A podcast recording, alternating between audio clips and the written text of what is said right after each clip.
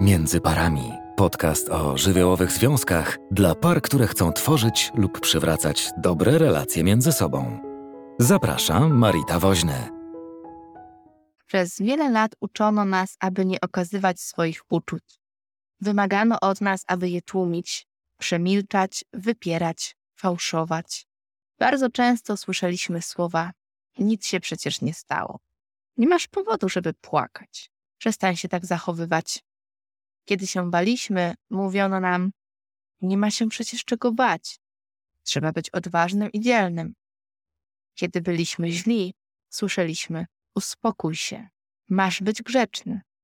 Albo odsyłano nas do pokoju, z którego można było wyjść, gdy się uspokoiliśmy, przestaliśmy płakać bądź krzyczeć. Czasem pytano nas: Przemyślałeś już swoje zachowanie? Kiedy było nam przykro, mówiono nam: Nie smuć się, nic się przecież nie stało. Co mogliśmy wtedy robić? Często zamykaliśmy się w sobie, milkliśmy, w efekcie przestawaliśmy czuć. Żniwa tego zbieramy do dzisiaj. Mają one wpływ nie tylko na nas samych, ale na nasze otoczenie i nasz związek.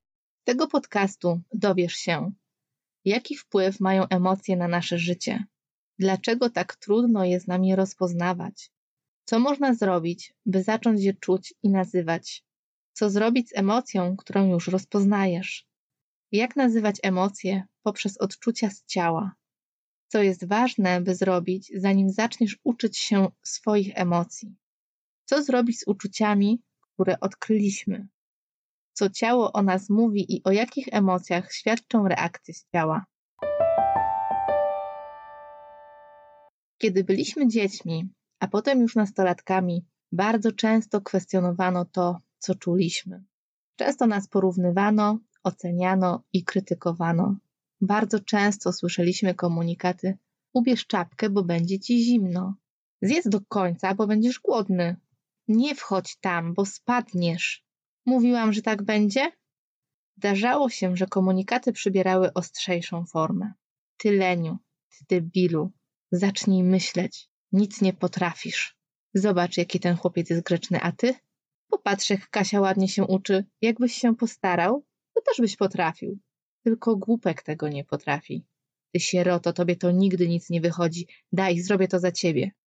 Wszystkie te słowa powodowały, że czuliśmy się bezradni, samotni, opuszczeni, niechciani, mało ważni, nieakceptowani. Brakowało nam bliskości, przytulenia, akceptacji, wiary w nas, zaufania i miłości.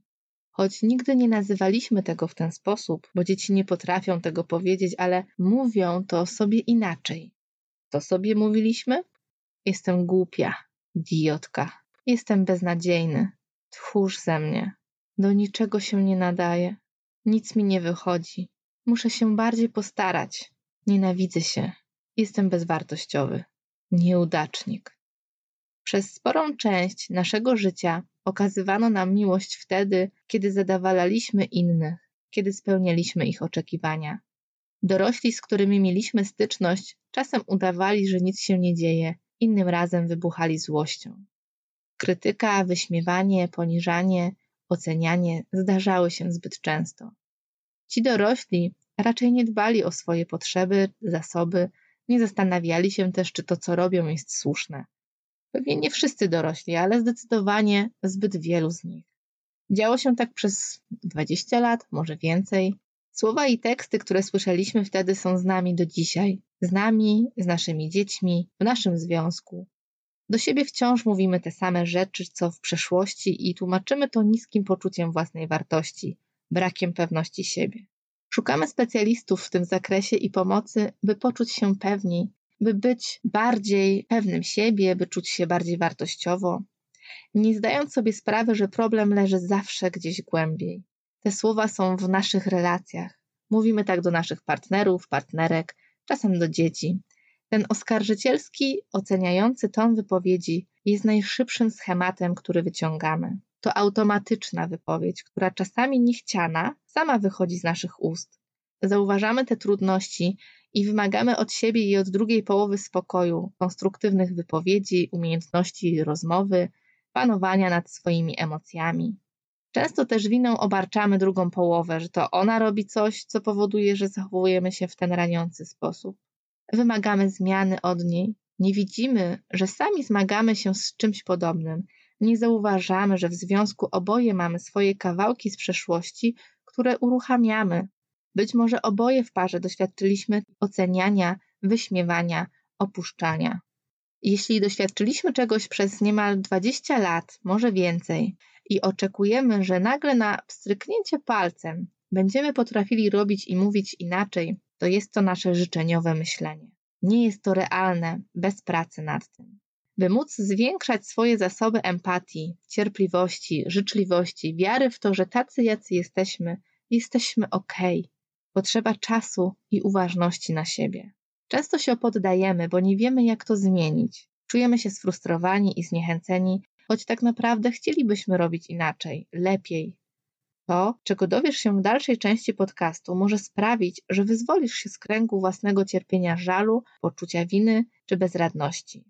Oczywiście możesz tego wysłuchać, nie robiąc nic z tym dalej. Możesz też zacząć próbować, nawet jeśli na początku nie będzie się to udawać. A już teraz musisz wiedzieć, że nie zawsze się to uda. Nie dlatego, że jesteś beznadziejny i robisz coś źle, ale dlatego, że to jest nowe, obce, trudne, wymaga czasu i pracy, a także powtarzalności. Nikt nas tego wcześniej nie nauczył. Nie dlatego, że nie chciał albo chciał nam wyrządzić krzywdę. Nikt nas tego nie nauczył, bo sam tego nie potrafił, nie miał do tego wzorów. Gdyby ktoś nas tego uczył wcześniej, teraz byłoby nam dużo łatwiej. Teraz w dorosłości możemy to sobie dać sami i próbować nie poddawać się. Ucząc się tego, możemy tworzyć swój nowy własny wzór. Wzór, który określi nową jakość w związku i innych relacjach społecznych, a także wzór, który damy my naszym dzieciom. Oczywiście jedni będą szukać rozwiązań i swoich emocji, inni mogą uznać, że to kompletna bzdura i w niczym to nie jest potrzebne. Jeśli jednak jesteś w tej pierwszej grupie, to chcę Tobie powiedzieć, że aby rozpocząć przygodę do poznawania siebie, swoich uczuć, a w efekcie rozumienia swojej drugiej połówki, która być może ma podobnie jak Ty, trzeba zacząć od samego początku. Gotowi, by poznać o co chodzi z tymi emocjami? Najtrudniejszą rzeczą związaną z emocjami jest to, że nie jesteśmy ich świadomi. Daniel Goleman, autor książki Inteligencja emocjonalna, mówi o tym, że nie odnotowujemy naszych emocji, ale nie to jest najgorsze. Najgorsze jest to, że nie odnotowujemy tego, że nie odnotowujemy.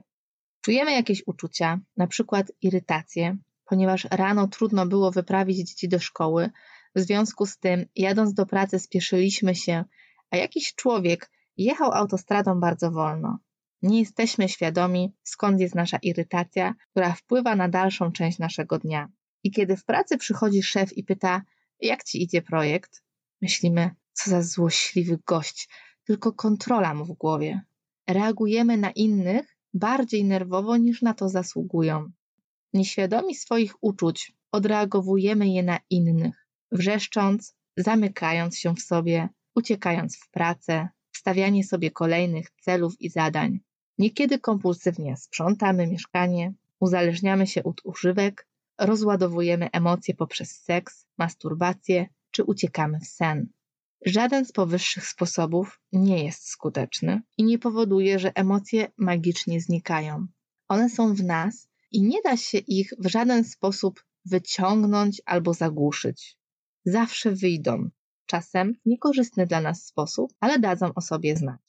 Warto więc robić to, co wydaje się najtrudniejsze, zacząć o nich mówić, ale żeby o nich mówić, to trzeba się nauczyć w ogóle je rozpoznawać. Zacznijmy od tego, co jest ważne, zanim w ogóle nauczymy się czuć. Po pierwsze, musimy mieć przekonanie, że chcemy zacząć odczuwać, że to może nam pomóc. Jeśli robimy to tylko dlatego, że ktoś tak mówi, to motywacja jest za słaba do zmiany. Po drugie, ważna jest ciekawość tego, co kryje się w nas, co stoi za destrukcyjnymi zachowaniami. Po trzecie, trzeba zacząć zwracać uwagę na to, że one w ogóle istnieją, że emocje są. Pomaga w tym często głęboki oddech i zatrzymanie się na chwilę. To taka chwila, kiedy stajesz, zamykasz oczy i myślisz, co ja teraz czuję, co się dzieje z moim ciałem, jaki mam oddech, co dzieje się w moim brzuchu, w moich dłoniach, rękach, nogach, w mojej głowie, gdzie krążą moje myśli, jak bije moje serce.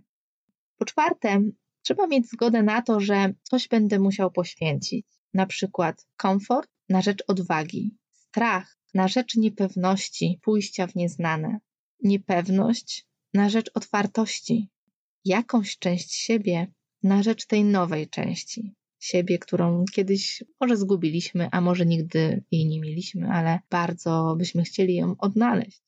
Bycie lubianym przez wszystkich na rzecz bycia sobą. Przyjrzyjmy się teraz poszczególnym emocjom oraz temu, jak przez to, co dzieje się z naszym ciałem, możemy do tych emocji docierać. Jeśli jesteś gotowy, przejdźmy teraz przez kolejne kroki do odkrywania swoich uczuć. Zacznijmy. Pierwszy. Zatrzymuj się, by obserwować siebie. Poświęcamy w ciągu dnia wiele czasu na to, aby obserwować Facebooka, media społecznościowe, przychodzące wiadomości na mailu. A czy przeznaczamy chociaż 10 minut na to, by poobserwować siebie? Jedziemy czasem rano do pracy bez namysłu w autobusie albo w samochodzie. Wracamy z tej pracy, bierzemy kąpiel, leżymy przed snem w łóżku. To już jest kilka momentów w ciągu dnia, kiedy możemy sobie zrobić stop i poobserwować, bo mamy czas, którego właściwie nie musimy dodatkowo organizować w tym naszym zabieganym życiu. Choć oczywiście zachęcam do takiego zatrzymywania się w ciągu dnia na bieżąco. 2. Namierz uczucia fizyczne. Jeśli pochodzisz z rodziny, w której emocje były dozwolone, ich rozpoznawanie będzie ci przychodziło łatwiej. Wtedy być może nie będziesz potrzebował aż tak dokładnej analizy, bo będzie się to działo w tobie automatycznie. Bez dokładnego przyglądania się, co w ciele, będziesz potrafił nazwać uczucia. Jeżeli jednak bagatelizowano Twoje uczucia i uznawano je za słabość, to odczuwanie ich będzie wyzwaniem. Prawdopodobnie będziesz pierwszą osobą, która pozwoli Ci czuć. Nie martw się, nie spowoduje to, że zmienisz się w całkowicie innego człowieka, ale uzyskasz prawdziwego siebie. Jak widzisz, są dwie drogi do tych uczuć. Pierwsza taka, że zatrzymujesz się, sprawdzasz, co czujesz i to nazywasz, a druga, jeżeli nie potrafisz tego pierwszego, to zastanawiasz się, co mówi ci Twoje ciało i o jakiej emocji ten objaw z ciała, to odczucie mówi. 3. Nazywasz to, co dzieje się z Twoim ciałem. Kiedy już wiesz, co dzieje się z Twoim ciałem, możesz określić, o jakiej to emocji mówi. Są pewne odczucia z ciała, które mówią o jakichś emocjach i są uniwersalne dla każdego z nas. Oczywiście repertuar jest duży, więc dobrze patrzeć, jak to jest u nas, bo każdy może trochę inaczej tych uczuć doświadczać w ciele. Było trochę teorii, a teraz zobaczmy, jak to wygląda w praktyce, w sytuacjach, które przytrafiają się w życiu każdemu z nas. Poprzyglądajmy się temu, jak mogą objawiać się cztery podstawowe emocje.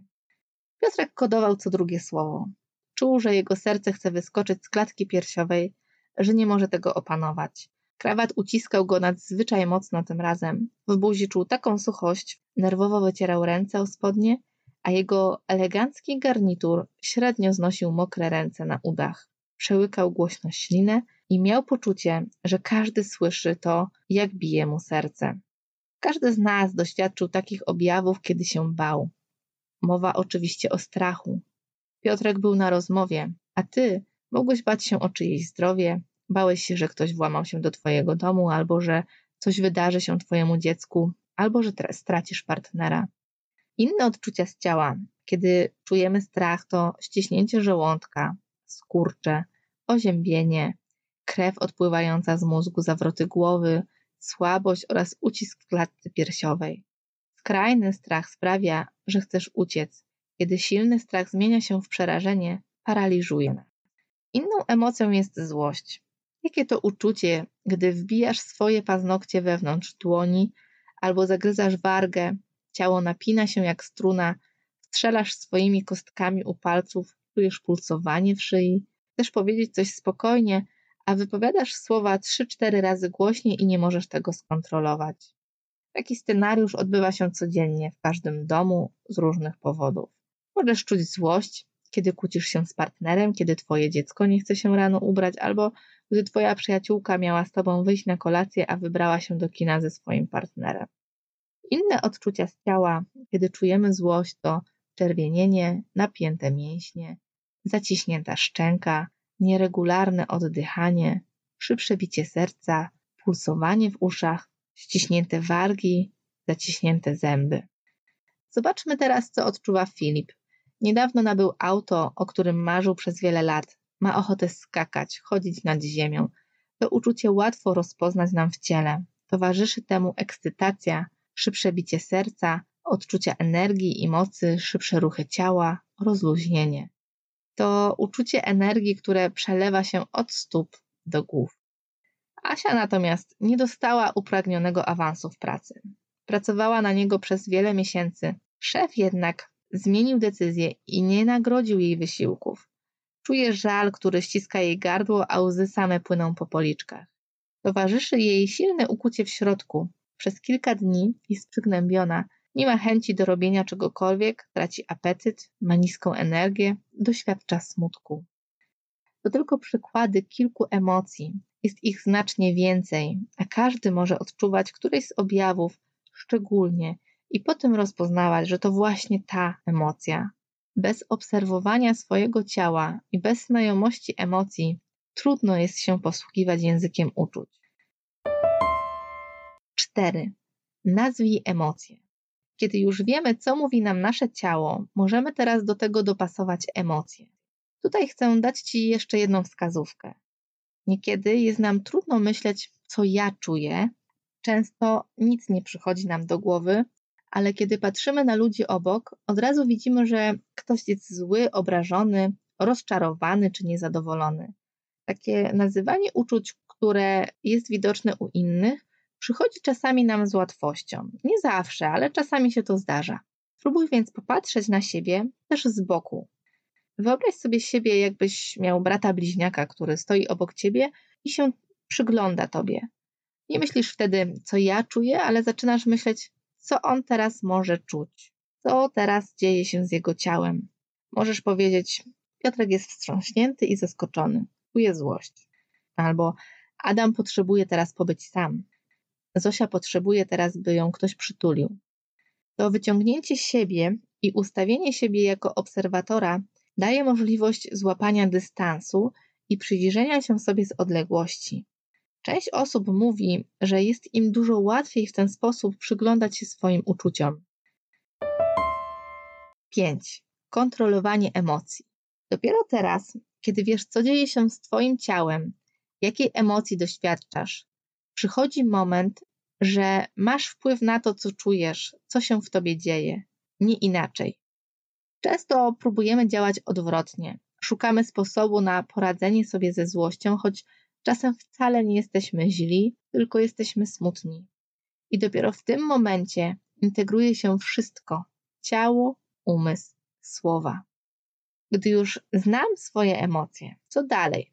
Wiesz już to i myślisz sobie, ok, no i co potem? To jest dobre pytanie, co możemy zrobić z emocją, którą już odkryliśmy i nazwaliśmy. Tutaj masz trzy opcje do wyboru.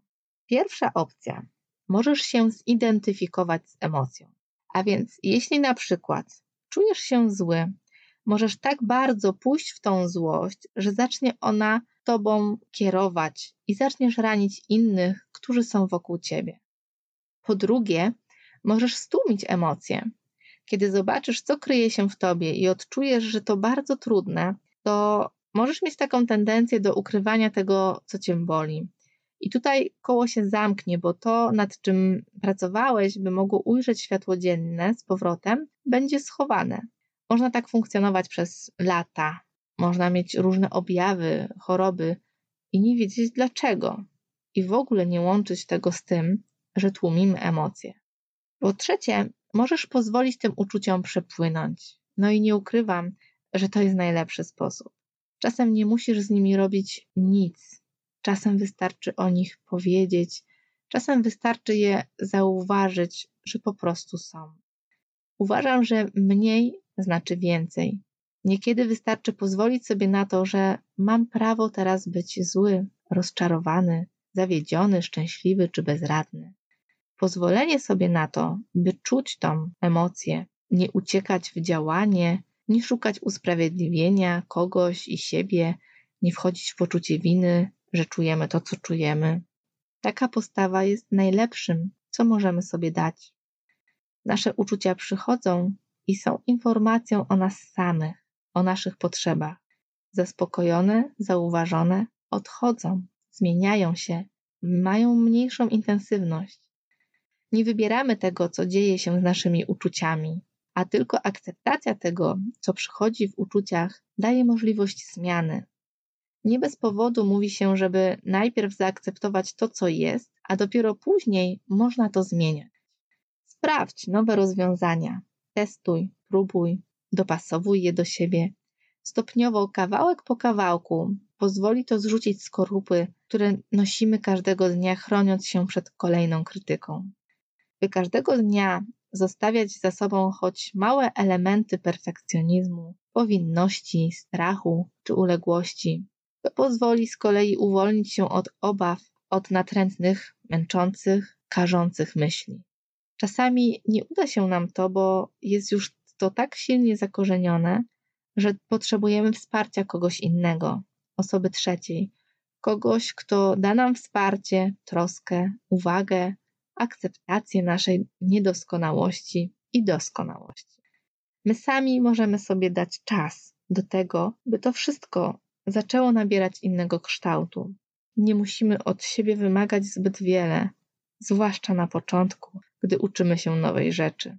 Możemy dać sobie przyzwolenie na to, że uwolnienie i nowa umiejętność będą przychodzić stopniowo.